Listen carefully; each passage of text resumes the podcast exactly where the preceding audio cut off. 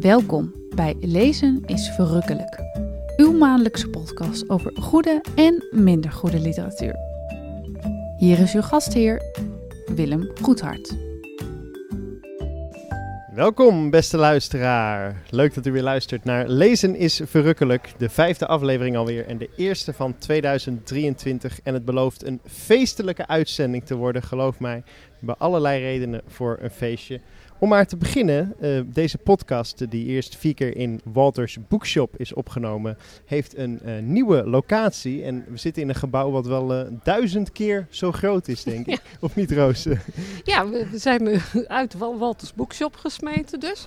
Nee, dat is, dat is een grapje. Maar het gebrek aan animo bij publiek om, om daar live bij langs te komen, om dat te beluisteren, dat nou ja, was dermate klein, dat gebrek aan animo, dat uh, de boekhandelaar uh, van dienst dacht: moet ik daar nou mijn vrije avond aan opofferen? Nou, maar... nee dus. En nu zitten we op een locatie die lekker openbaar is, het Groninger Forum. En zo waar, zo waar. Zo waar is er publiek. ja. Ster sterker nog, op een steenworp afstand zit hier een leesclub. Uh, dat is toch leuk, hè? We, we hebben uitzicht op een andere leesclub. En ja, het is niet dat, dat ze, nou... ze dat niemand meer literatuur leest. En ja. Hier in het Groningen Forum, in de bibliotheek op de derde verdieping zitten wij. Uh, u kunt daar... Ja, maar, uh, moeten we het wel goed zeggen, hè? Forum Groningen. Forum Groningen. Ja, Forum hey, Groningen. Dank je, Esmee. Ja. Esmee weet hier meer van. Um, nou, u hoorde Esmee al en dat is geen toeval, want we hebben nog iets te vieren. Namelijk dat we weer een uh, semi-vast viertal uh, hebben, uh, Roos. Naast de Esmee is ook Koen Schouwenburg weer van de partij. Goedenavond. En uh, wij gaan uh, proberen het voorlopig uh, met z'n vieren te doen totdat iemand geen zin meer heeft. En dan vliegen ja, we of weer niet andere kan, mensen in. Of, iemand... of eruit getrapt wordt. Dat kan ook, of gecanceld. Ja.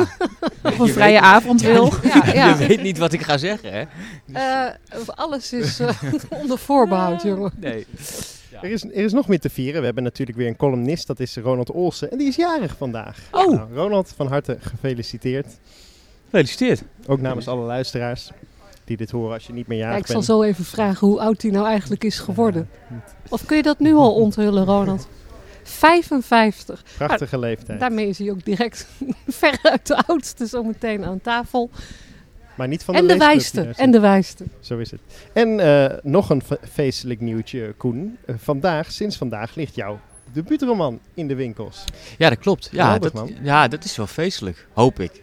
Als iedereen het gaat afzeiken, dan is dit, wat, is, dit, is, dit een zwarte, is dit een zwarte dag uit mijn leven? Nee, ook niet. Maar het is, ik vind het heel leuk. Ik zou, we hadden het net al even over met Roos. Er zijn al een paar mensen die het hebben gelezen. En de mensen die ik zeer waardeer, Esme heeft het al gelezen. Esme was een van de proeflezers. Um, uh, en die vonden het uh, mooi. En, dus ik, ik, ik, ik ben eigenlijk al wel, uh, wel blij ermee. En ja, dat iemand, er gaat iemand zijn op het internet... die, die? die gaat zeggen dat dit een kutboek is. En dat hoort er een beetje bij. Ten, en ik, ik daag de luisteraars uit waarbij of er één boek is waarin iedereen ooit positief is geweest. Dat is er niet. Dat lijkt me geen maar, goed Maar nee. dat is, daar trek je je dan toch niks van aan? Het zou mooi nou, zijn als ik, er... Ik heb dan denk ik natuurlijk wel in het beginsel natuurlijk de neiging om dan meteen ook heel hard terug te schrijven. En dan word ik tegengehouden, denk ik, door mezelf en mijn vriendin. Ja. En, dan, en dan gaan wat we... ook verstandig en, is. En wat verstandig is. En dan gaan we naar Vlieland en dan lopen we het eruit. Maar dat, en dan komt er een recensie en, daar zeggen ze dan van... Oh, wat een geweldige debutant. Bijvoorbeeld, of, ook, of ze zeggen publiekelijk dat het een kutboek is. En ja, dat... Ja, dat ik, ik weet niet, ik vind het wel lastig. Normaal ben ik dezelfde man die recenseert. En dan nu Ja. sta ik aan de andere kant. en ja, is- dan ja, moet je wel je kop houden en luisteren. Dat is een Misschien beetje... is het ook goed om nog even de titel te noemen. Wa- oh ja, wa- ja, waar zijn de dagen voor? Een bestsellertje, nu al. Heel Ja, goed. ik is al vier, vijf en keer het is, het, is ook, het, het, het, het is dus van, ligt van, sinds vandaag in de boekwinkel, Ja. maar de presentatie is pas volgende Ja, week. volgende week, ja. Om het momentum lekker lang te houden. Nee. En Esme, jij bent de eerste die een positieve blurb kan geven. Ho- hopelijk. Ja, nou, je kan je Nu geen pijl vallen aan dit boek. Alles zit erin eigenlijk. Eh, melancholie, humor, liefde, een heleboel. Ja, eh, hoop. Ik, ja, ik heb er wel van genoten. De eerste positieve De recensie. eerste positieve is ben, Ja, eh, dat vind ik zo nu ook al. Ik word er altijd een beetje ik, verlegen ik van. ben heel erg nieuwsgierig. Zeker, Ja. ja. Ja. Ehm, Zijn er nog meer dienstmededelingen? Nee, dat niet. Uh, we, we, kunnen door uh, naar het nieuws. Nou, het, het boekennieuws, dat oh. ga ik gelijk denken. Koen, gefeliciteerd met je debuutroman. Ja, Vandaag in het nieuws was... de verkoop van Nederlandstalige fictie is gedaald het afgelopen jaar met 10%. Nou, daar ga ik. Ja, dat, ja, daar ga ik. Is toch echt nee, ik hou er ook mee op. Nee, als het zo moet, nee, ik, is het, ja, ach, ja, het is... Maar ik las wel uh, dat is de, de, Engelstalige verkoop. En ik kijk ook even naar mijn uh, collega hier tegenover, want die gaat ook over de. Die, die werkt bij de bibliotheek. De Engelstalige verkoop is enorm gestegen. Ik weet niet, merk je ook Engelstalig uitleen dat het, uh, dat het harder ja, gaat? Best wel. Ja, ik ben het ook meer gaan inkopen. Dat is best lastig, want we hebben hier helemaal geen ruimte in de kast. We hebben dat niet zeg maar ingecalculeerd dat dat zoveel populairder zou worden. Bedoel maar de dat vraag er, is er zijn er wel. Engelse kasten of niet? Ja, ja, ja. We, zitten er nu toevallig uh, naast, maar het staat best wel vol. Dat kan de luisteraar niet zien, maar het staat best wel vol. Uh, dus als er veel nieuw bij komt en de vraag blijft hoog, dus er moet niet veel weer uit. Ja, dan. Uh, ja. Binnenkort dus, moeten er wat Nederlanders plaats maken voor een extra Engelse kast, hoor ik al. Nee, nou, denk, wij, wij gingen laatst een boek kopen voor onze neef en die zit op de middelbare school. Zes, 16, 15, 16. En toen dachten we ook van ja, maar volgens mij spreken die net zo goed, deze die net zo goed tegenwoordig in Engels als, als Nederlands. We hebben toch wel gekozen voor, voor een Nederlands boek, gewoon play it safe. Maar ja, dat, dat, ja, ik denk dat dat binnenkort niet zo groot veel uh, verschil uh, meer is. Nee, ik. Nou het is echt vooral de jongere groep mensen die echt zegt, uh, ik heb het liever in het Engels. Hebben jullie dat ook? Ja. ja. Maar dan heb je het over oorspronkelijk in het Engels geschreven boeken, neem ik aan. Ja. Want wat er ook wel gebeurt. Ik had vorige week in Godert Walter in de boekwinkel uh, een uh, Nederlandse. Ja, moet ik het even goed zeggen? Ja, een Nederlandse jongen die zijn Duits wilde verbeteren. En die kwam doodleuk vragen naar Nederlandse schrijvers die in het Duits waren vertaald. Want hij wilde dus wel per se Nederlandse literatuur lezen, maar dan in het Duits. Nou, die zijn er wel. Dus die jongen kon prima aan, aan een boek geholpen worden. Alleen. Uh, Werd het steeds notenboom? Uh, nee. Nee, hij heeft uiteindelijk Ilja Leonard Pfeiffer meegenomen. Oh? In het Duits. Okay, ja. ja. Maar goed, het, het, feit is, ik zag wel, de, uh, in België uh, is de boekenverkoop over het totaal gedaald. En in Nederland is hij, nou, minimaal gestegen met 0,4 procent. Maar dat dus wel ten, uh, gaat uh, die, die verschuiving. Uh, komt die, het Engels ten goede en, en de Nederlandse literatuur, de Nederlandse fictie, heeft een probleem. Maar ik vind dat soort trends ook altijd, zeker als je het per jaar bekijkt. Hè, er is niet echt een grote bestseller verschenen van een grote auteur of zo. Nou, Engelse boeken zaten in de lift ook vanwege al die berichten erover op sociale media en zo. Ik, ik vind helemaal niet zulk negatief nieuws. Ik denk maar de boeken... 10%? Dat is toch wel veel? Ja, en volgend jaar stijgt het dan weer 8% als er een nieuwe Buwalda komt of een uh, Nou, het klopt wel dat er, dat er dit jaar allerlei uh, ja, grote romans aangekondigd staan. Dus. Maar ik denk wel echt, eh, echt wel, misschien dat het toch ook wel met die trend wat is mee natuurlijk zit, dat jongeren gewoon veel sneller het Engels grijpen. Daar heb je ook, nou, volgens mij hebben jullie dat de vorige keer in de podcast ook gezegd. Al ging het over series, science fiction series. Dat is vaak... Uh, ik hoop niet dat ik nu Nederlandse science fiction schrijvers op een... Maar dit is veel Engelstalig volgens mij. Uh, fantasy is vooral veel Engelstalig. Dus daar, zit, daar zitten natuurlijk veel, uh, veel fans, veel lezers. Maar eigenlijk kun je dan dus volgens jou heel, heel leuk de conclusie trekken... dat die verschuiving, dat er heel veel gelezen wordt door jongeren. Zodat ja, dat is ook wel zo. Maar alles, uh, kijk, als je je boekentips zeg maar een beetje van het internet haalt en je kijkt veel internationaal, je zit veel op Instagram, ja, dan is dat natuurlijk allemaal Engelstalig. Dus het is aan de leesbevorderaars, wat wij dus. allemaal zijn, denk ik, om uh, dan te zeggen, goh, maar ken je dit ook? En dan is even een passend boek aan te raden in het Nederlands, denk ik. Nou, dat uh, vind ik hoopvol. Heel erg. Heb je, heb je, zijn jou nog andere dingen, boeken, nieuws, iets opgevallen?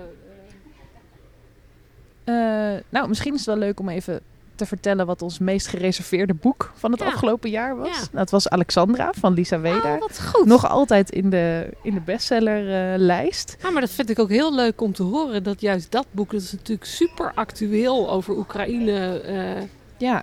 En hartstikke goed. Ja, zeker. En uh, natuurlijk ook wel uh, stevig uh, genomineerd en ook een ja. aantal prijzen ja. gewonnen. ja, veel in het nieuws. Dus leuk om te zien dat dat ook echt veel gelezen wordt. En ook veel door leesclubs. Ik vond het heel opvallend om te zien. En we hebben dan een jaarlijstje met de uitleningen. En dat is heel veel Lucinda Riley en, en, en, thrillers en zo. Maar bij de reserveringen is het dus eigenlijk voornamelijk wel echte literatuur, leesclub boeken. Uh, Elif Shafak zat ertussen. Nina Polak met Buitenleven op twee. Oh, ja. ja. ja. Dus, ja, Speelt zich ook in Groningen af natuurlijk. Dus voor Groningen. En een goed boek trouwens ook voor Nina Polak. dat heb ik niet gelezen. Ja, Nog. Strak boek, goede schrijfster. Dat het een goede schrijfster is, zeker. Ja. En over bestsellers gesproken, wonderlijk dus dat uh, Eduard Louis weer terug is ja, in, in de, de bestsellerlijsten. Het Connie-effect. Ja, het Connie-effect. Die kan Nou. zoveel, hè, Connie. Heb jij er niet ook ooit eerder eens een boekje over geschreven? Ja, ik zit hier mezelf heel hard te pluggen. Koen, Koen. Maar ik dacht, uh, dat, dat was dan uh, Eduard Louis. Uh, Eduard Louis. maar er, er wordt zoveel geklaagd over het gebrek aan literatuur op televisie. Ik denk in één week tijd was daar Connie Palme over, uh, over Edouard Louis. Er was uh, Deborah Kampert en Onno Blom over een nieuwe uitgave van de brieven van Remco Kampert. Bij de slimste mens zit er elke avond wel een vraag in over literatuur. Het droeve nieuws is dan dat over het algemeen niemand het antwoord weet. Uh, maar de schrijvers doen het goed, hè? Martin Rombouts, die ster van de show. Ja, maar ik dacht dat hij ook iets niet wist over literatuur. Ik ben het alweer vergeten, maar elke avond... Het is het laatste plaatje van PC Hoofd en dat was dan het portret wat niet herkend werd. En dat niemand ooit had gehoord van Salman Rushdie, de duivelsversen uh, en, en de fatwa. Dat vond ik ook wel... Op PC Hoofd ken ik trouwens ook echt alleen maar van de PC Hoofdstraat hoor. dat moet ik heel eerlijk zeggen. Je zou niet herkennen als hij Ik weet niet of ik nu dit panel uitgetrapt word, maar... Gecanceld. uh, ja, dat, uh, eerlijkheidshalve. Er is nog uh, een reden voor een feestje, want het is vandaag gedichtendag. En de Oh, aftrap van de Poëzieweek. Oh ja. Nou, dat is ook... Dat mag ook wel even genoemd worden. ja. Ja, maar heb je er veel van meegekregen? Nee, ik heb zelfs op moeten zoeken van, uh, wordt er nog iets aan gedaan? Jazeker, er wordt iets uh, aan gedaan. Er is zelfs een poëzieweek geschenk, geschreven door Ja, Esther Knibbe ja, en Mirjam van Heen. Ja. Over vriendschap. Zij zijn namelijk besties, las ik in het persbericht van de CPMB. Ze zijn ook morgen hier, toch? Ja, klopt. Kijk, In de, in de Poetry per Ja. tutti. Ja. Dus het, dat is dan wel hoopvol dat het inderdaad opgerekt is tot een week. Want er zijn hier in Groningen althans gelukkig best activiteiten. Tjeerd Bruinja komt met zijn nieuwe inclusieve bloemlezing. Eh, Ja, dan- en in het kader dan van de poëzieweek, de, volgens mij, eh, of de, de, deze week zou eh, Lieke Marsman afscheid nemen als uh, dichteres ja, des ja, Vaderlands. precies. De, de is de, ik weet niet wat er, wat er gebeurd is, maar dit is, dat, is, eh, dat gaat niet door. Maar misschien toch wel even goed om te vermelden dat Lieke Marsman zich uitstekend... eh, een uitstekende dichter, eh, dichter des Vaderlands was. Die Ja, laatste bundel vond ik zeker, ontzettend goed. En ik denk dat zij... ik ben heel benieuwd naar het boek wat komen gaat. Dat volgens mij over haar ziekte en over marsmannetjes Over en, de ra- UFO's. en UFO's. Ja, volgende maand komt Volgende het uit. ja, dus dan ben ik heel benieuwd. Maar dat is misschien toch wel. Het zij, dat is gewoon een. ehm, zij wordt ook, haar tweets worden ook veel geciteerd richting mij thuis. dat eh, kan me voorstellen. Ja. Maar er, is dus, er was dus een opvolger eh, kennelijk benoemd gekozen. En die is door hij of zij, of eh, Ik- kan door persoonlijke omstandigheden. Ja. Er is iets eh, waardoor, wat, wat heel jammer is, want ik. ik eh, eh, Of weet jij daar meer ik van? weet het, nee, ik weet het niet meer, helemaal, helemaal niet. Ik, ik, ik, had alleen eh, gehoopt dat, en volgens mij is dat ook een beetje de aftrap hè, van de Poëzieweek. En Ja, het Oh, had gisteravond bekend Ja, moeten worden En gemaakt. dat, je, dat, dat, dat, dat Lieke Marsman, dan als je dat twee jaar gedaan hebt, dat het dan ook tof is dat je dan gewoon ook met de knallen eruit gaat. Ja. je, bedankt, grote zaal. En dan volgende. En dat, nou, dat, dat, maar dat, dat, dat komt dan later. Dat ik, eh, Ja, dat, dat komt nog. Ja. dat komt Het, nog. het aardige is dat wij nu nog even kunnen speculeren. Wie wordt de nieuwe dichter des Vaderlands? Oh jee. Weet je dat ik op een gegeven moment zit te denken dat het misschien ook wel, dat Joost Omen dit ook wel kan? Maar die is ja, ik denk dat, hij, dat hij het heel, ik denk dat hij het heel goed zou kunnen. Ja. Alleen, Maar nog niet, denk ik, komend jaar. Ik Nee. bedoel, hij zou het dan ook al goed kunnen. vroeg. Ja. Maar het is nog een beetje vroeg. en Ellen Dekwits dan? Heeft hij het al druk genoeg? Ik denk dat iedereen gewoon denkt dat Ellen al lang eens een keer dichter des Ja, Vaderlands is geweest. en, ze, en ze werkt bij de opdrachtgever van het Oh ambt. nee, ja, nou dan. Nou ja, ja. Op wie zetten eh, jullie je geld? Eh, Oh, dat is lastig. ja, ik weet je, ik Mustafa zou... Stitu. Nee, die gaat dat niet nee, doen, die, denk ik. Nee, die gaat het niet doen. Nee, Nee. Dat, dat denk ik ook niet. Nee, ik zou het, ik weet je, ik zou het gaaf vinden van het, van het, van het CPMB. Als, of nee, het is niet CPMB, het is volgens mij eh, NRC en alles. Weet je, dit, dit zeg ik ook altijd over de Nobelprijs. Waarom geven ze dingen altijd aan hele oude mensen die veel hebben betekend voor literatuur? Geven ze dus een keertje aan iemand met, die zo vitaal is, en jong en met passie, die echt twee... Kijk, als je aan Joost Omer geeft... Marsman was nog niet zo oud. Nee, nee, maar bijvoorbeeld als je hem ook Joost Omer hebt, weet je, die knalt er twee jaar in. Dat weet je, dat is gegarandeerd. Dat is, dat, ja. Dat, uh, dat klopt. Maar ik weet ook niet wie het zou. Esme? Nou ja, ik had uh, Hester Knippen misschien wel ergens op mijn lijstje. En um, uh, Marjolein van Heemstra had ik ook nog wel. Oh, ja. en, maar die Oh, is nu, nu op dit moment volgens mij nog stadsdichter van Amsterdam. Dus dan neem aan dat je dat niet dubbel gaat doen. Um, ja, wie zou het nog meer? Als u een idee heeft. Als, ja, ja, stuur het in. Stuur het in, ja, maar niet naar ons. Ja, misschien wel Marieke Lucas Rijneveld. Hè? Oh ja, dat, ja, kan dat zou ook nog. kunnen. Ja, dat is inderdaad ja. wel... Uh, dat is ook nog wel een Daar zou ik het meest uh, in als, als hij er zin in heeft, in ieder geval. Ja, die oh. komt wel binnenkort ook met een... Met, met, binnenkort, die komt weer in het najaar met een roman. roman. Dus ik denk dat die... Ah, nou, die, die, schrijft, die schrijft zo super snel. Ja? Dat, ja, echt waar. Oké, okay, dan... dan uh... nou, volgens mij moet de winnende naam ertussen hebben gezeten, toch? Kan niet missen. Zoveel, nou, dat zoveel weet ik niet. zo, dat weet ik niet. Ja, de eerstvolgende van ons die in de slimste mens zit, ja. gaat wel onderuit. We zetten, we zetten alles in op Koen. Nee, nee ja, PC Hoofd is de straat. Dat is het enige wat ik weet. Uh, uh, tot, zover, uh, tot zover het boekennieuws. Tips. Tips, ja, oh, tips. leestips. Ja. Want de tafel ligt weer vol met het boek wat wij straks gaan bespreken. Dat is De Beesten van Gijs Wilbrink. Maar ook een paar andere mooie boeken en daar laat ik mij graag over informeren. Koen, wat heb jij daarvoor ik heb, uh, ik heb, de, de, de, ik heb een boek van, uh, dat heet Hampelman, van Chrétien Breukers. En uh, is uitgegeven door bij een van mijn favoriete uitgeverijen, uitgeverij Vleugels. Ik denk dat Roos dat met mij eens ja, is. Dat, nou ja, ik werk zelf natuurlijk bij twee ja, ja. concurrerende uitgeverijen. Maar, maar, ik moet zeggen, ik koop verdomd veel boekjes van Vleugels. Ja, ja. dit is een prachtige uitgeverij, een prachtig fonds. Dit is, dit is een boek, dat is de, de, de derde boek in de Thomas Meerman boeken. Je maar uh, je kan gewoon met deze beginnen, Hampelman. Uh, als je denkt van ik, hoef die, ik moet eerst die andere twee lezen, hoeft helemaal niet. Het is heel fragmentarisch. Het gaat over eenzaamheid. Het is een beetje een onhandige man en het is gewoon uh, heel goed geschreven. En ik, heb ik beleef daar heel veel plezier aan. Eenzaamheid zit erin, lekker alcoholisme en veel over literatuur. Het is geen, ja, ik vind, en het is, het is gewoon echt goed geschreven, punt. En de uh, derde, dus uh, er stond een lang interview ook op Zoom met hem. Ja. Er komt de vierde, er komt de vijfde. Echt. Maar kan je, kan je dit ook lezen als je de eerste twee ja, niet hebt Ja, makkelijk, lak makkelijk. En, uh, dan begin, en dan ben je waarschijnlijk verkocht en dan in, stap je in en dan doe je en in de nacht de riem, dat is de eerste.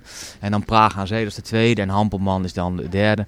Maar dit boek zelf is ook fragmentarisch, dus begin waar je, dus begin gewoon lekker met... Hm. Maar Hampelman is de laatste en ik, ben, ik ben fan. Luister je ook met plezier, net als onze opperhoofd Koen Peppelenbos, naar de podcast van uh, Geentje? Uh, af, en, af, en toe, af en toe. Dus ik, uh, de, ik zit in een podcast, maar ik ben geen podcastliefhebber. oh, dit is echt mijn laatste keer, hè. en oh. soms in de auto. Soms luister ik naar ze. En ik, ik vind het een vermakelijk duo. Laten we ze de groeten doen, toch? Als ja, ja. collega literaire podcast. Ja, dus. ik weet gelijk controleren of ze luisteren. ja. dan, dan, willen wij ook weer genoemd worden, hè? Zo gaat dat. Ja. Roos, daar ligt ook een mooi boek uh, met een heleboel plakketjes erin bij jou. Ja, dat doe ik altijd. Ja. Maar dat is, dat maar is een, een, lichte afwijking. Ik heb meegenomen... Uh, Jaap Scholten, zijn laatste boek met de toch iets wat wonderbaarlijke titel... Drie zakken dameskleding, twee cakes Kiev en een sniper. Um, ja, dat is een curieuze titel. Je kunt zeggen, niet iedereen onthoudt die, maar hij blijft wel hangen. Op Mag de ik dat boek met de 3-2-1? Ja, 3-2-1 in de titel. Maar het is, het is, het is een uh, fascinerend boek. Jaap Scholte is natuurlijk een, een uh, schrijver. Die heeft uh, succes gehad met zijn roman Suikerbastaard als laatste. ik ben zelf ooit gegrepen door kameraad Baron. Uh, wat, wat ik zo indrukwekkend vond dat het reden genoeg was om naar Roemenië, naar Transylvanië af te reizen. Maar dit boek gaat over. Het is eigenlijk ja, het is geen roman, het is een logboek. Hij is bij het begin van de oorlog uh, uh, in Oekraïne, 24 februari vorig jaar, kreeg hij een telefoontje van een ver familielid of hij familie van haar man kon ophalen, familie van een nichtje. Dat heeft hij gedaan. Hij woont in Hongarije al, al 20 jaar, relatief dicht bij de grens met Oekraïne. Is daar naartoe gereden om uh, dat gezin op te halen. En dat heeft hij vervolgens gehuisvest. En dat heeft hem zo betrokken gemaakt bij die oorlog dat hij uh, zich meer wilde gaan inzetten. En uh, ja, eigenlijk als hulpverlener zich heeft ontpopt. En daadwerkelijk door Oekraïne uh, is gaan reizen met hulpgoederen. Eigenlijk gewoon militair materieel voor het leger, et cetera. En dan ontmoet hij een scherpschutter, een Amerikaan die zich daar ook mengt. En in dit boek vertelt hij heel rauw en dicht op de huid wat, wat er gebeurt en hoe de situatie per dag verandert. Want het is niet nadien helemaal in elkaar gestileerd. Er zal heus wel wat naar gekeken zijn, maar er staat steeds bij: hey, dit is op uh, maandagochtend 28 februari om 9 uur. Dat is echt documentatie. Uh, ja, het is een, een journalist die, ja, uh, die meereist. Ja. Precies, en het, is ook, het is verschenen ook vorig jaar, want ik had het vorig jaar al deels gelezen, omdat het op de website van zijn agent Oscar van Gelderen stond. Dus het is rauw. En het moet ik zeggen, als je dat dan leest op die manier, ben je gelijk weer in vorig jaar. Biedt het, biedt het weer ook nieuwe inzichten? Dingen die je nog niet in de media hebt gehoord of gelezen? Um, nee, althans niet per se voor mij. Maar ik moet zeggen dat ik zelf ook alles opzuig over wat daar gebeurt. Dus uh, ik ken dat land goed. Dus ik heb, alle informatiebronnen. Dus veel nieuws staat er niet in. Behalve dat hij daadwerkelijk daar ter plekke is. En uh, nou, je krijgt dus persoonlijke verhalen. En die geven een oorlog toch vrij veel kleur, moet ja, ik zeggen. Zo'n ooggetuigenverslag. Ja, en er zijn ook vrij veel foto's zitten erin van uh, hemzelf. Zeer aan te raden. voor al die mensen die Alexandra hebben gereserveerd en daarop zitten te wachten. Uh, ja, ja en ik moet er misschien ook bij zeggen voor iedereen die denkt van... oh, ah, bah, een boek weer over die oorlog. Ik heb er wel een beetje genoeg van. Scholte heeft ook nog wel humor.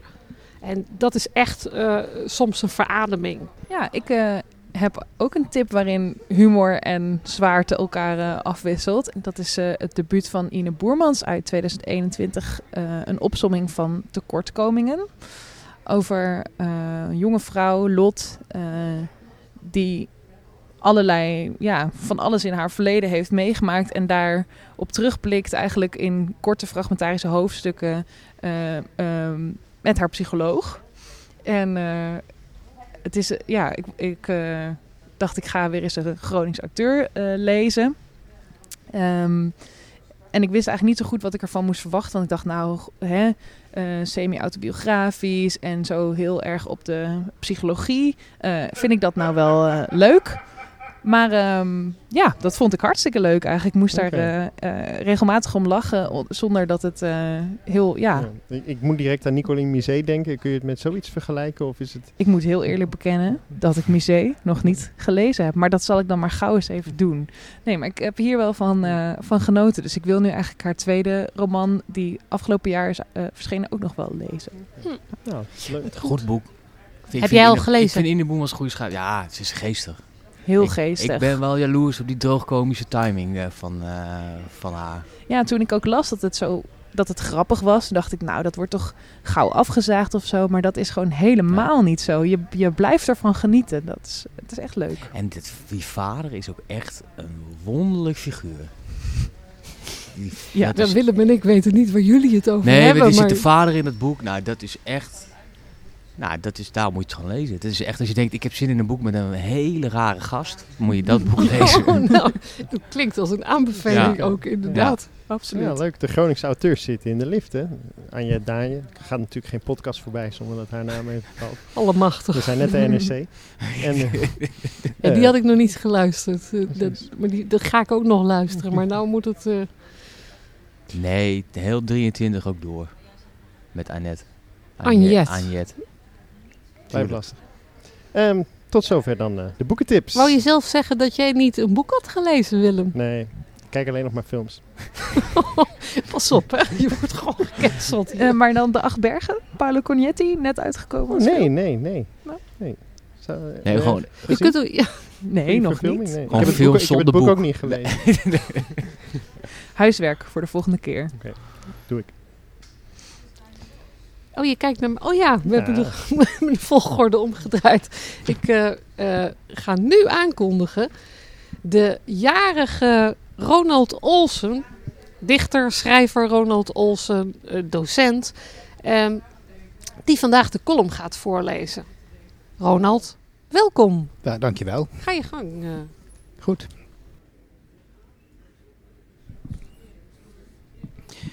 Er zijn teksten die veel op gedichten lijken, maar die geen gedichten zijn. Verlies je jezelf bijvoorbeeld in een klein woordenspel dat volkomen helder is en dat je aanspoort iets te gaan kopen wat je al dan niet nodig hebt, dan lees je een advertentie. Leggen de zinnen je uit waar de aan- en uitknop zit en hoe je de batterijen moet vervangen, dan heb je een gebruiksaanwijzing in handen. En werken de regels enkel toe naar een clue waar je om moet lachen, dan heb je te maken met een mop. Goede gedichten herken je in de eerste plaats aan hun nutteloosheid. Zo gauw gedichten in dienst worden genomen, verliezen ze hun poëzie. Gedichten moet je geen contract aanbieden. Net als in elke taal zijn er ook in, de, in het Nederlands eindeloos veel stichtelijke, propagandistische, poëticale of zuiver humoristische versen geschreven. En ook in Nederland overleven die zelden de dichter. Ze zijn als het werk van een ambtenaar dat bijdraagt aan een geletterde samenleving, maar dat de dagelijkse sores nimmer overstijgt. Hoe nutteloos zij ook mag zijn, poëzie is al zo oud als de mensheid. En het is een van de meest geruststellende lessen die we uit de geschiedenis kunnen trekken. Dat er altijd mensen zijn geweest die zich geroepen voelden om doelloos te gaan zitten dichten totdat er een tekst tevoorschijn was gekomen die op de een of andere manier toch af leek te zijn. Teksten zonder doel, maar wel met een einde, net als het leven zelf. Wilden ze er voor zichzelf iets mee bereiken, die dichters? Ongetwijfeld. Dante heeft vast gehoopt dat zijn comedia indruk zou maken op degene die hij naar de hel had gezonden. En Shakespeare wist met zijn poëzie wellicht zelfs de mysterieuze Dark Lady in zijn sponde te lokken. Maar als dit het enige was geweest wat ze nastreefden, hadden ze ook gewoon een brief kunnen schrijven. Nee, ze componeerden iets veel groters. Muziek van taal die tot op de dag van vandaag blijft klinken in de hoofden van wie de boeken openslaat. In de eerste helft van de 13e eeuw na Christus. In Europa werden overal gedichten ter gehore gebracht door minnezangers en troubadours. Vond de oerknal van de moderne Europese poëzie plaats. Dat gebeurde op Sicilië, waar een hoge ambtenaar van koning Frederik II een gedicht schreef dat anders was dan alle gedichten die daarvoor geschreven waren. De ambtenaar heette Giacomo en omdat hij uit Lentini kwam, noemde men hem Giacomo da Lentini. Giacomo sprak vele talen, waaronder Arabisch. Hij had toegang tot het werk van de Europese dichterzangers, maar ook tot de poëzie van de dichters uit het Midden-Oosten. Op een mooie dag wist hij al het goede van al die verschillende invloeden bij elkaar te brengen in één magische tekst. Zijn nieuwe gedicht had veertien regels, een strak metrum met vijfvoetige jamben en een dwingend rijmschema dat maar vijf verschillende rijmklanken behelsde. Na de eerste acht regels vond er een kleine verschuiving plaats van de focus van het gedicht. Giacomo zag dat hij iets bijzonders had gemaakt. En al gauw zagen zijn collega's dat ook. En het duurde niet lang of ook de koning ontdekte de kracht van deze nieuwe poëtische vorm. Ze begonnen allemaal teksten te schrijven op de manier van Giacomo. Het werd een ware rage. Deze dichters zullen de gedichten aan elkaar hebben voorgedragen, maar daar waren ze eigenlijk minder geschikt voor. Ze waren heel anders dan de teksten van de rondtrekkende minnezangers en troubadours. De gedichten in de vorm van Giacomo kwamen het best tot hun recht als ze in serene rust werden gelezen. Giacomo had van de dichter-performer een dichter-dichter gemaakt.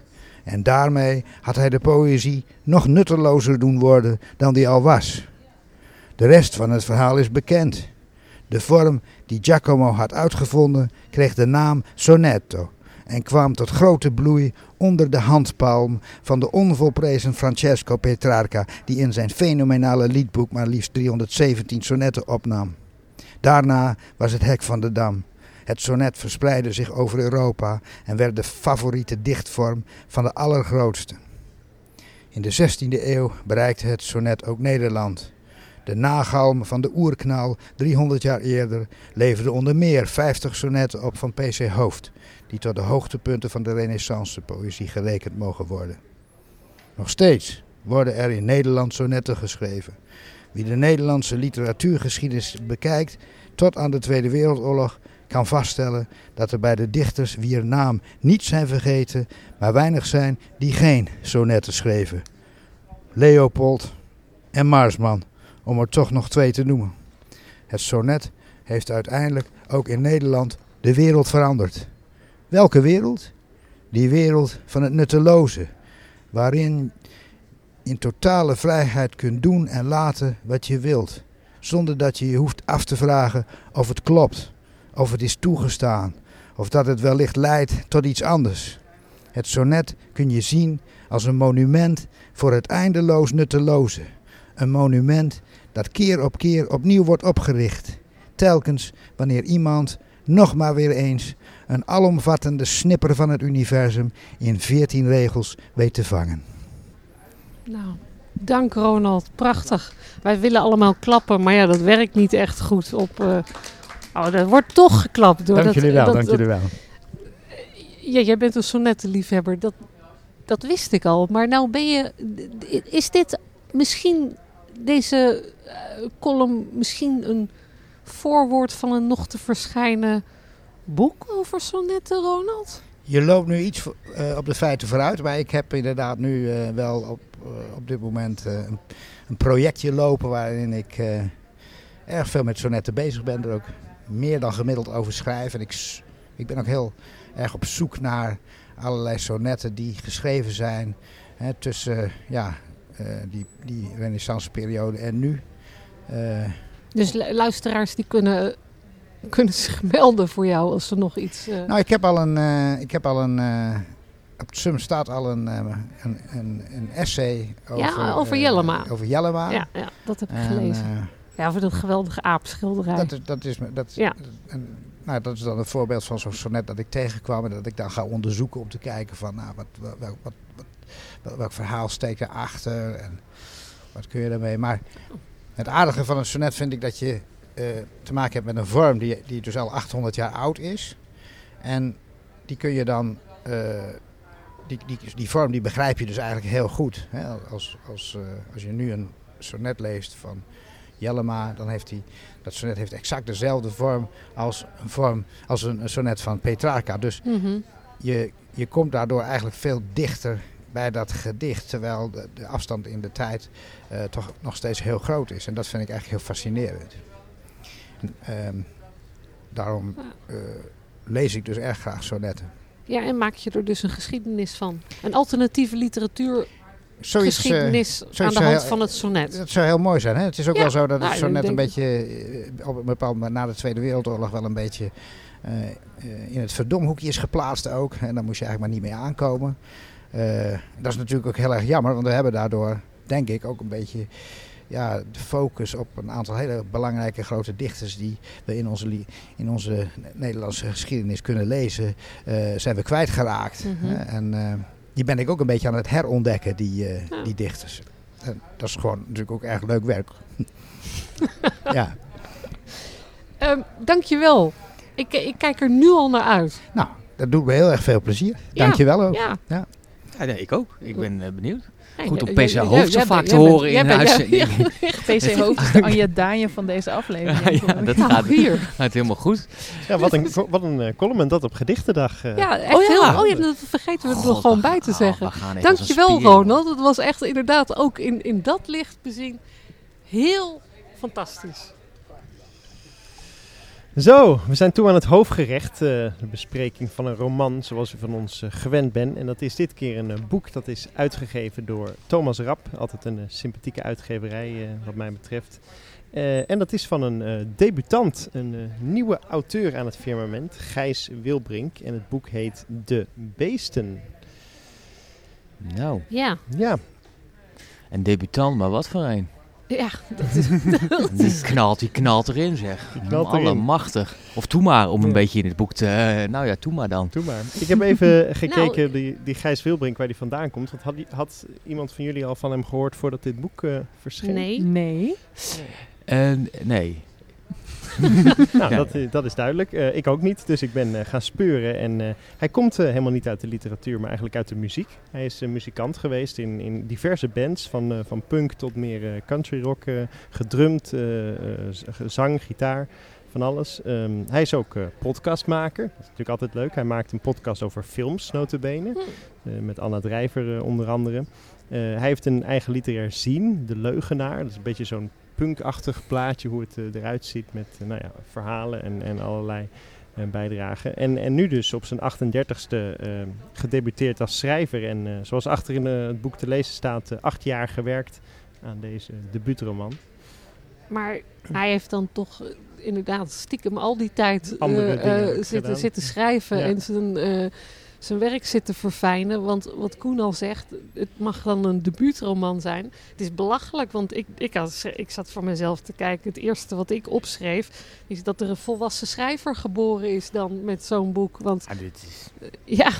Nou, ik las trouwens in een interview ergens volgens mij in de, in, in, in de Tubantia of in de regionale, maar maakt het niet uit. Dat hij wel zei van ja, de laatste twee jaar toen lag er een contract bij Rap. En toen ben ik wel, wel, eh, heb ik wel echt meters gemaakt. En heel heel fanatiek.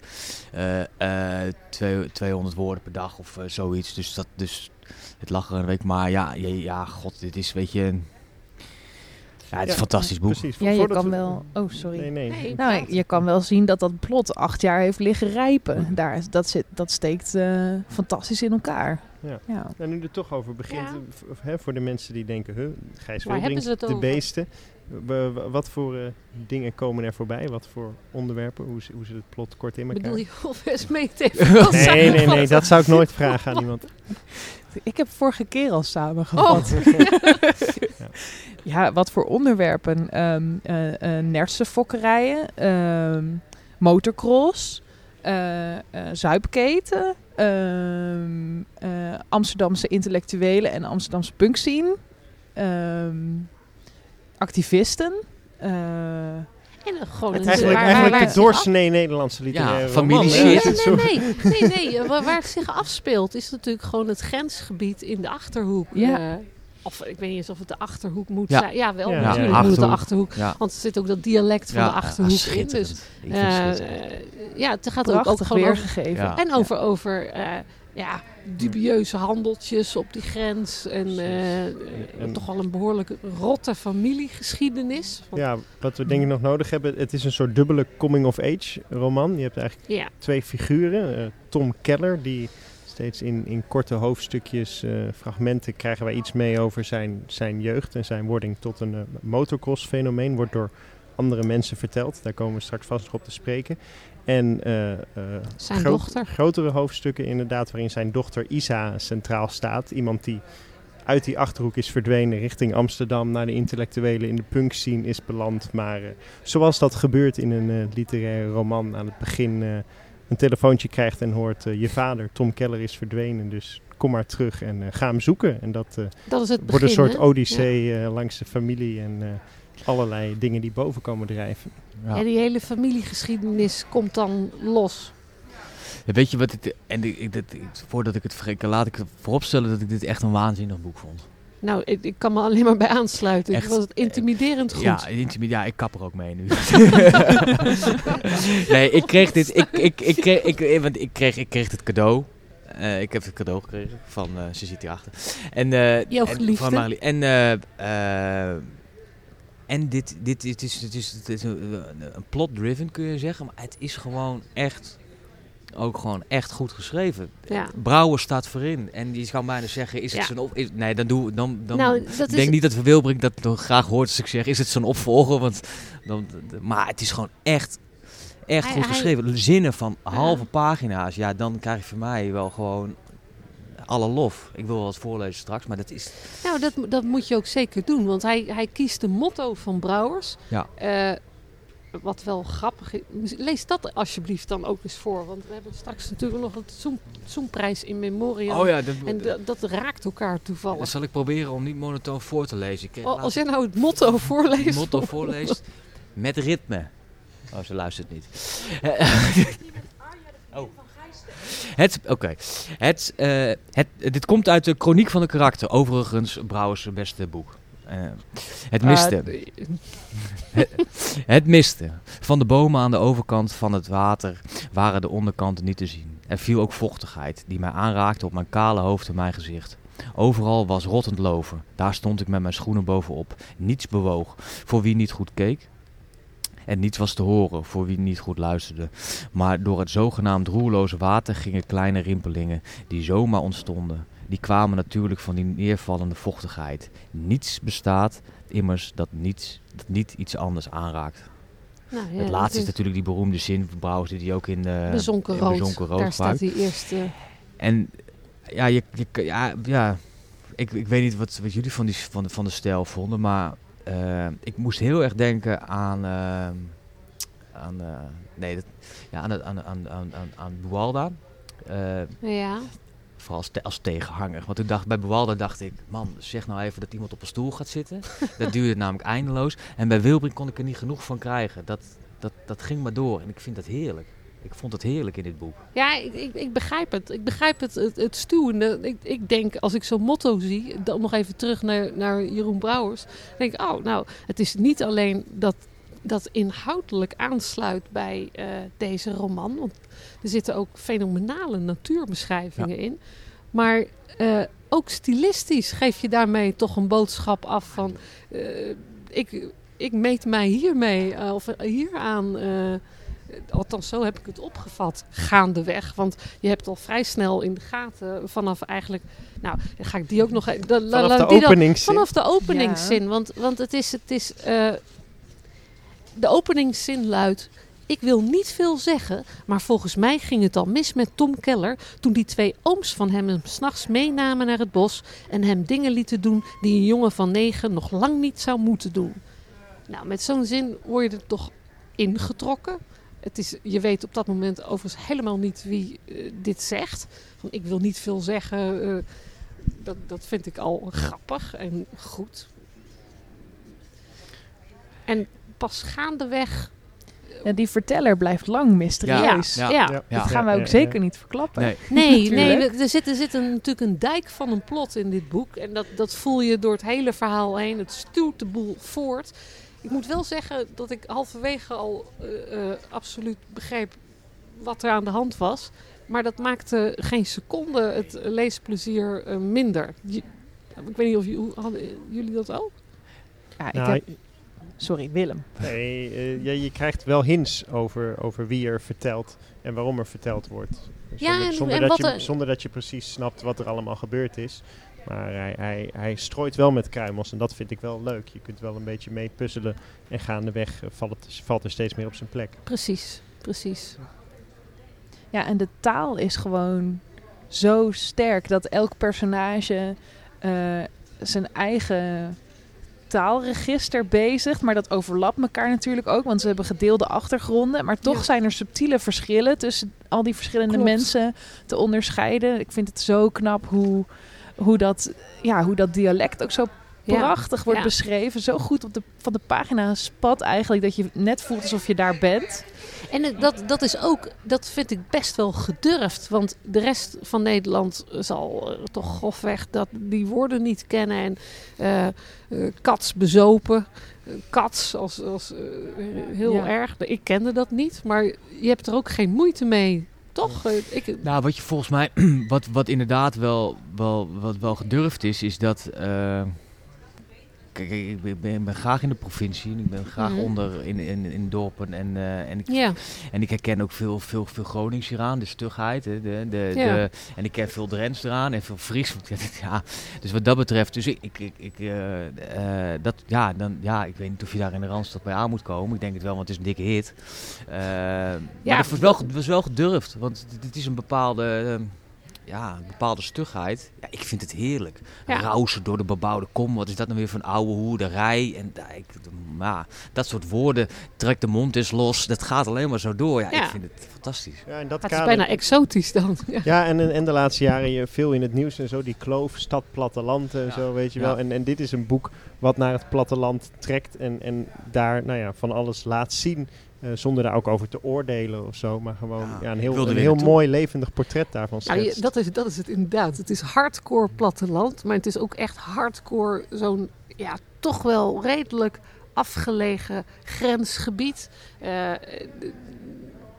ja. andere regels, andere wetten. Uh, nou ja, eigen normen en wetten. Dat kun je ook wel zeggen een beetje van Oost-Groningen. Maar hier wordt niet echt veel uh, met de motor gecrossed. En dat is denk ik toch echt typisch voor die... Of, of ja, je kijkt nou, naar ik, ik, ik, ja? ik, de, de, de, de maar ik... Uh, ik ja, weet je hebt die tien natuurlijk in As. Ik, ik, ik, ik, ik ik weet niet hoe jullie erbij staan, maar er is bijvoorbeeld een. Uh, nou, ik kan wel even kijken. Ik heb natuurlijk allemaal van die plakketjes, maar er is een stukje. Toen dacht ik, ja, dit is, dit is, dit is, uh, dit is, uh, dit heb je hier in Groningen ook, en dit heb je in Drenthe ook. Dat de de Pup. Tom moest het maar. Dit zit verder in het boek. Tom moest het verder maar doen zonder de grootmoeder die iedere dag van zijn leven voor hem gezorgd had. Zonder de vader die niet genoeg in de buurt was om woorden te, om woorden te geven aan de liefde die hij voor zijn zoon voelde. En dat, dat, dat is volgens mij wat, mij wat, wat pijnlijk is aan dit boek. En wat volgens mij in, in veel families in de rurale gebieden. En wat ik ook in, in, in de provincie had merk is dat, dat mensen zeggen: hé, hey, zoon, ik hou van je. Dat, is, ja, dat, dat wordt niet snel gezegd. Nee, het is mijn aanname hoor. Ik weet niet of nu, nu dat. in dit boek wel. In dit boek, in dit boek sowieso. En ik denk dat dat een beetje. Uh, Misschien is dat ook wel een generatiedingetje, maar er, is, er zit een bepaalde stugheid in en een bepaalde hardheid ook. Je gaat niet zeggen van, oh zoon, ik hou van je, maar nee, hier heb je een motor om te laten zien van, nee. Bewijs je maar. Ik, en ook wel de realiteit van armoede. Dat als jij gewoon constant aan het werk bent en je hebt heel zwaar werk, wat voor de vader van Tom Keller bijvoorbeeld het geval is. Uh, dat je dan gewoon eigenlijk niet zo aanwezig kan zijn bij je familie. En dat geldt eigenlijk ook voor de moeder van Isa uh, Keller, die ook heel hard werkt en er maar zelden kan echt kan zijn. En die duidelijk ook gewoon doodvermoeid is uh, van wat ze moet doen. Ja, ja. en, en wat... En wat uh... Maar die, er lopen natuurlijk... Kijk, die vader die werkte niet alleen hard, maar die zit voornamelijk in de gevangenis de hele tijd. Hè? Want deze familie Keller dat kunnen we misschien nog wel zeggen. Daar komen toch best wel wat uh, uh, criminele sujetten in voor. Stroperij. Ja, ja stroperij en illegale, andere, andere dubieuze moorden, zaakjes. dus de, het, is, het is niet een, al met al een, een, hele frisse familie. En wat je misschien ook kan zeggen is dat het zijn eigenlijk hoofdzakelijk twee generaties die aan bod komen. Tom Keller en zijn broers en zijn familiegeschiedenis. En de dochter van Tom Keller, Isabella, en haar... Uh, zij is de enige. De, haar vader kon motorrijden. Er gebeurt iets. Hij krijgt een ongeluk. Uh, dan wordt hij weer teruggeworpen in, in dat leven, in die grensstreek. Uh, of kan er niet meer uitklimmen. En zijn dochter Isa, die kan er wel uitklimmen. Want die heeft de hersens om te gaan studeren. En die trekt dan naar de Randstad. En dan krijg je plotseling dat contrast weer. Ja, klopt. En dat is dan in principe gebeurd hè, als het verhaal, voordat het verhaal start. Maar de vraag is denk ik een beetje of zij er echt uit kan klimmen. Want hè, je merkt toch aan alles in hoe, hoe zij is, hoe zij zich mhm. gedraagt. En hoe zij ook niet goed kan aarden in dat randstedelijke milieu met, met progressievelingen en zo. En dat zij, zij is zo een beetje zo'n ontheemd iemand die tussen twee milieus in staat. En, en ook wat, wat Koen net zei over dat stuggen en zo. Dat, wat zij vanuit haar familie heeft meegekregen. Dat kan zij. Zij kan zich ook niet goed uit tegenover haar mensen om haar heen. Vanwege maar, die afkomst lijkt het. Op het eind. Ja, er, vindt een ontwikkeling plaats. Vindt daar. Ja. Ja, kijk, we gaan die plot niet uh, nee, we willen niks weggeven. Maar dat is, zou ook echt stom zijn. Maar ik, ik vond het wel hoopvol. Over die stugheid, wat, wat ik vind, dat, dat is ook zo schitterend. Dit is voor de, niet kieskeurig zijn, zijn, schouderophalen door het leven. Nou ja, toe maar dan mompelen bij alle rotzooi die je overkomt, door naar de volgende klootdag. Dat, zij heeft dat inderdaad ook, die houding. Ze probeert het wel. Maar ja, goed, je kan je verleden toch niet achter je laten. Nou, misschien is dat wel het grote thema. Dat, uh, dat wat uh, uh, je in je eigen hand kunt nemen qua lot. En dat wat je achtergrond, familiegeschiedenis is. En wat je niet kunt veranderen. Ja, dus en het, het, het, het, tragische misschien ook, en dan zitten we is, dan, dan, dit is weer over, over Isa. En dan zegt te vertellen, ze was hierheen gekomen. En hierheen is volgens mij Utrecht zit ze dan? Of dat wordt niet echt nader benoemd, toch? Nee, ergens in de Randstad. Ja, Randstad. Ik dacht eerst Amsterdam, maar het was Utrecht inderdaad. Ja. Nou ja, het, het, het, doet eigenlijk niet toe. In elk geval een studentenstad in het westen. Ja, en dan, en dan is ze daar net, want ze is 18, de eerstejaars student kunstgeschiedenis. En dan, uh, en dan, en dan zegt uh, ze was hierheen gekomen om te worden wie ze al die jaren al had moeten zijn. Zonder teruggefloten te worden door een achternaam die verriet dat je vader vader een mislukking was, je oom een dierenbil, je grootvader crimineel. En dat is natuurlijk, zij denkt dat ze ja, in, in de Randstad, ik heb dat ooit ook al eens gedacht. dat daar, daar, daar ligt het. Nou, daar luisteraars. Kon je je huil vinden. Nee. Allemaal weer terug. terug ik kan op een tegeltje. Nee. Dus ik weet niet hoe. Je bent nog steeds jezelf, ook als je verhuist. Maar, maar ligt, het dan, ligt het dan in de achterhoek? Esmee, dacht jij van, uh, daar gaat mijn volgende vakantietripje naartoe? Nou, ik kom uit Gelderland, dus dat is niet zo heel ver daar vandaan. Sterker nog, het is Gelderland. Jij komt, ik was uit een heel ander Gelderland. Toevallig heel vaak ook in Doetinchem en omgeving. Daar hadden mijn ouders vrienden, dus ik, ik ken dit gebied wel een beetje. Ja, uh, het is daar prachtig. Uh, en het is daar ook wel eens moeilijk om uh, inderdaad echt met mensen in gesprek te komen over wat ze echt bezighoudt. Want het is, ja, het is een hele hechte gemeenschap natuurlijk. En uh, buitenstaanders die horen daar niet bij. De buitenstaander weet niet meer dan uh, van normaal en oerend hart. En nou, dan kunnen ze dan mooi, mooi de beesten lezen van Gijs Wildbrink. Want ja, maar ja, dit is toch... Ja. Uh, ik heb wel, wat ik wat mij soms wel in de roman waarvan ik dacht, nou, nou, moet dat nou? is dat ik soms, maar dat, dat is echt mijn persoonlijke opvatting, dat ik dacht, het moet wel altijd allemaal nog even dat extra schepje smerig erbovenop. en dan heeft Isa een gesprek met haar moeder en die zit dan in haar neus te peuteren en er wordt uitvoerig beschreven hoe ze dat aan de bank smeert. Dan denk ik, ja, maar je kan het ook niet opschrijven. Ik bedoel, het geeft natuurlijk ja, wel een... dat is toch juist zo fijn. Ook, eh, ook geweld dat erin voorkomt, dat wordt ook ja, ook Ja, het is, het is... Maar ik... Toch merk ik dat ik dan denk... De Nederlandse literatuur... Af en toe wel iets aan Iets esthetischer. Ja, of... Nee, nou ja, dit was esthetisch, toch? het wordt esthetisch beschreven, nou, die smerigheid. Daarom, daarom uh, wringt het misschien zo. En, ja en, en, nee, maar ik, ja, ik hou daar gewoon... Als het denk van... Het moet altijd nog even dat stapje erger. En in dit boek is dat ook zo. En ik kon het voor het eerst, denk ik, in mijn leescarrière, zeg maar, een keer ook wel waarderen. Maar ik heb heel vaak dat ik denk, hè, hè, moet dat nou zo? Maar goed, dat is mijn, uh, mijn brave schoolmeisje. Want daarmee verspil je je kans om door de Drentse literatuurclubs gekozen te worden. ja, dat dacht ik ook direct. nou, ik, ik wil nog even in een laatste noot, als ik denk, want volgens mij zijn we bijna, wil ik, ik denk dat mijn, wat ik echt het sterkste vond aan het boek, en mijn favoriete passage staat op 29, maar dat is dus een zin op van... welke bladzijde? bladzijde 29. En dat is ook een, dat is een zin van, uh, van een halve, halve pagina. Dus heel goed, Gijs Wilbrink. Ga er vooral mee door voor je volgende boek. En dat is dat hij dan...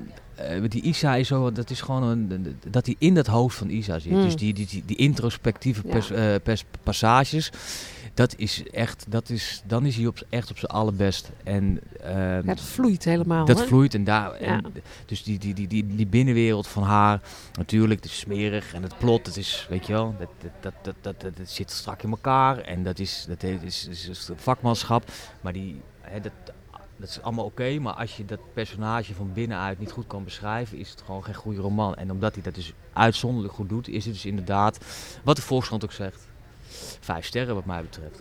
Nou, volgens mij niet alleen de Volkskrant, want het is, het is overal ja. laaiend enthousiast besproken. En dat is natuurlijk, het kwam in alle of heel veel eindejaarslijstjes voor. En dat is natuurlijk ook de reden dat wij nu ja. dit boek kozen.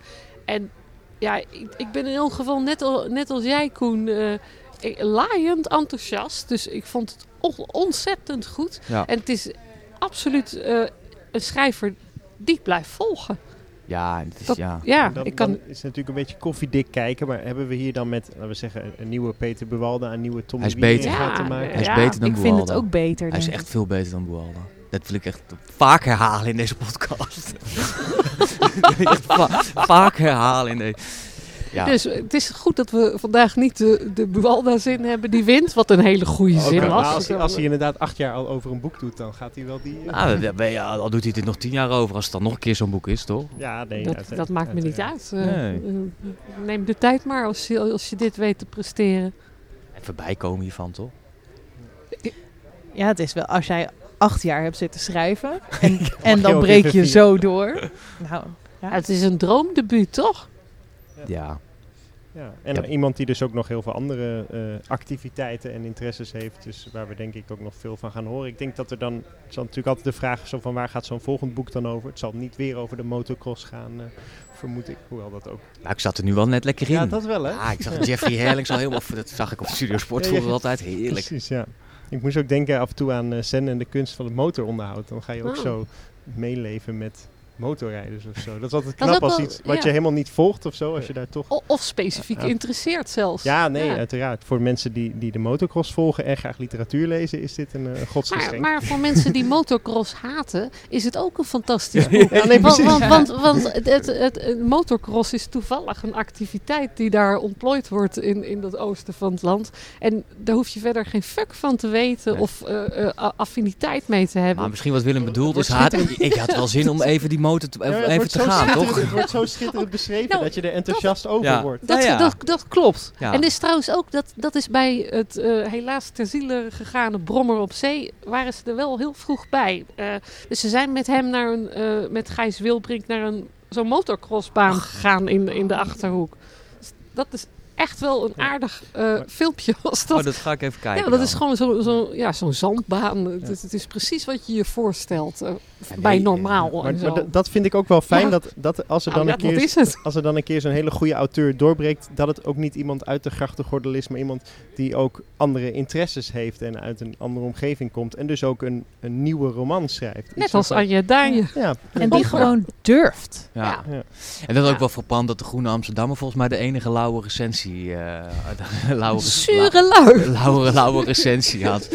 Maar nee, dus we nemen haar lekker. Nee, dus, nou. aan, ons, uh, aan ons zal het niet liggen, uh, toch? Nee, ja. volgens mij zijn wij alle vier... ik ga het heel veel cadeau doen de komende ja. tijd. Ja, ja wij nou, zorgen voor nog een druk. Alle vier dus laaiend enthousiast, begrijp ik. Ja. Jij toch zeker. ook, Willem? Ja, zeker. Dus echt heel, heel plezierig om te lezen. En ik ben heel benieuwd wat er gaat volgen. Het smaakt naar meer. Ja, dat kunnen we alleen maar zeggen, ja. Goed, dan uh, gaan we langzaam maar zeker afronden. Maar niet voordat wij even hebben teruggeblikt op de Zoomprijs. Nou, ik was eigenlijk aangenaam verrast. Want ik ging vandaag kijken. Uh, moet ik even zeggen. De Zoomprijs die is in 2022 opgehouden te bestaan na 20 jaar. Um, en daarom hebben we bedacht dat we elke aflevering de prijswinnende zin, uh, of een van de prijswinnende zinnen voorlezen. En we zijn vandaag toe aan de vijfde winnaar van het Zoomprijs. En dat is toevallig Tommy Wieringa met een zin uit zijn roman Joe Speedboat. En hij won daar in 2006 de Zoomprijs mee. En het viel me op, ik had die zin natuurlijk niet meer geheel paraat in mijn hoofd, dat hij toevallig heel erg goed past bij de beschreven wereld in de beesten. Ik ga hem nu voorlezen. 2006, Tommy Wieringa, Joe Speedboat. De knalpijpen glansden als bazuinen. De wereld leek te verschroeien in alles verzengend lawaai wanneer de jongens het gaspedaal intrapten met de koppeling in. Alleen om te laten weten dat ze bestonden, zodat niemand daaraan zou twijfelen, want wat niet weerkaatst, bestaat niet. En daar hebben we die brouwers uh, dit parallel had het, dit weer. had het motto van de roman uh, kunnen zijn. Dit had inderdaad het motto kunnen zijn. Dit is bijna... Uh, nou, zo komt het allemaal samen. Geweldig. Ja, en Tommy die won met deze schitterende zin 42 euro. Dat moet ook nog even duidelijk gezegd zijn. En hij kwam wel naar Groningen om de beker op te halen. Uh, ja, dat klopt. We hebben hem in de Woltoorn overhandigd. Oh, daar hadden we een paar euro bij gemogen dan. Als hij heeft ook een glas wijn gekregen, ja? als, ze hier, als ze helemaal hier naartoe komen, Nou, ik moet zeggen dat dat daarna toch anders was. Want toen ging ik meestal met uh, Dolf de prijs ergens brengen. Als, uh, als, als toen, toen, kozen we ook daarna alleen maar schrijvers uit België. Want dan kon je in België. Als, als de Zoomprijs nog had bestaan, Roos, dan uh, was je misschien wel naar Doetinchem afgereisd. Uh. ja, volgens mij woont deze Wilbrink in Utrecht. Maar helaas. Ja. maar, maar ik denk dat als de Zoomprijs nu nog had bestaan, dat deze Wilbrink een hele grote kans had gemaakt. Ja. En ook wel veel geld had verdiend dan. Want ik had dus die, die, zin, die zin uit negen, bladzijde 29 genomineerd. En dat is denk maar luister, toch wel 100 piek. uitgeverij Kleine Uil financierde de Zoomprijs oh. altijd. En er zat op een gegeven moment hadden we zinnen van nou tegen de 100 woorden. En dat beviel, beviel de uitgever helemaal niet. Nee. Nou, ja, en dan ook nog aan een Belgische auteur, oh, dat, je, dat je ook nog naar Antwerpen of Leuven moet of zo. Crowdfunding. Precies. Oh ja. Crowdfunding. Uh, nee, ik denk hij krijgt, kijk, hij krijgt natuurlijk die. Krijg je daar geld voor voor een Libris nominatie? Um, nou, dat weet ik eigenlijk niet. Want die gaat hij krijgen. Ja, maar er zijn ook nog wel debutanten. Hoe heet het? Uh, is de Anton Wachterprijs de debutantenprijs? Ja. Ja. Dus ik denk, denk dat hij wil... En de Libris, en er komen er nog twee drukken bij. Dus we hoeven ons over Gijs Wilbrink. Ja. Geen zorgen Geen te maken. nee, ik denk, denk, denk Vol verwachting klopt ons hart. Als je nog een agent zoekt, uh, Gijs, Koen... Uh,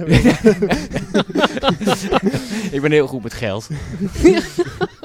Goed, okay. uh, we gaan nu echt afronden, maar niet voordat we mensen bedankt hebben. Allereerst veel dank aan het Groninger Forum. Forum Groningen. Forum Groningen. Waarom is dat Forum Groningen?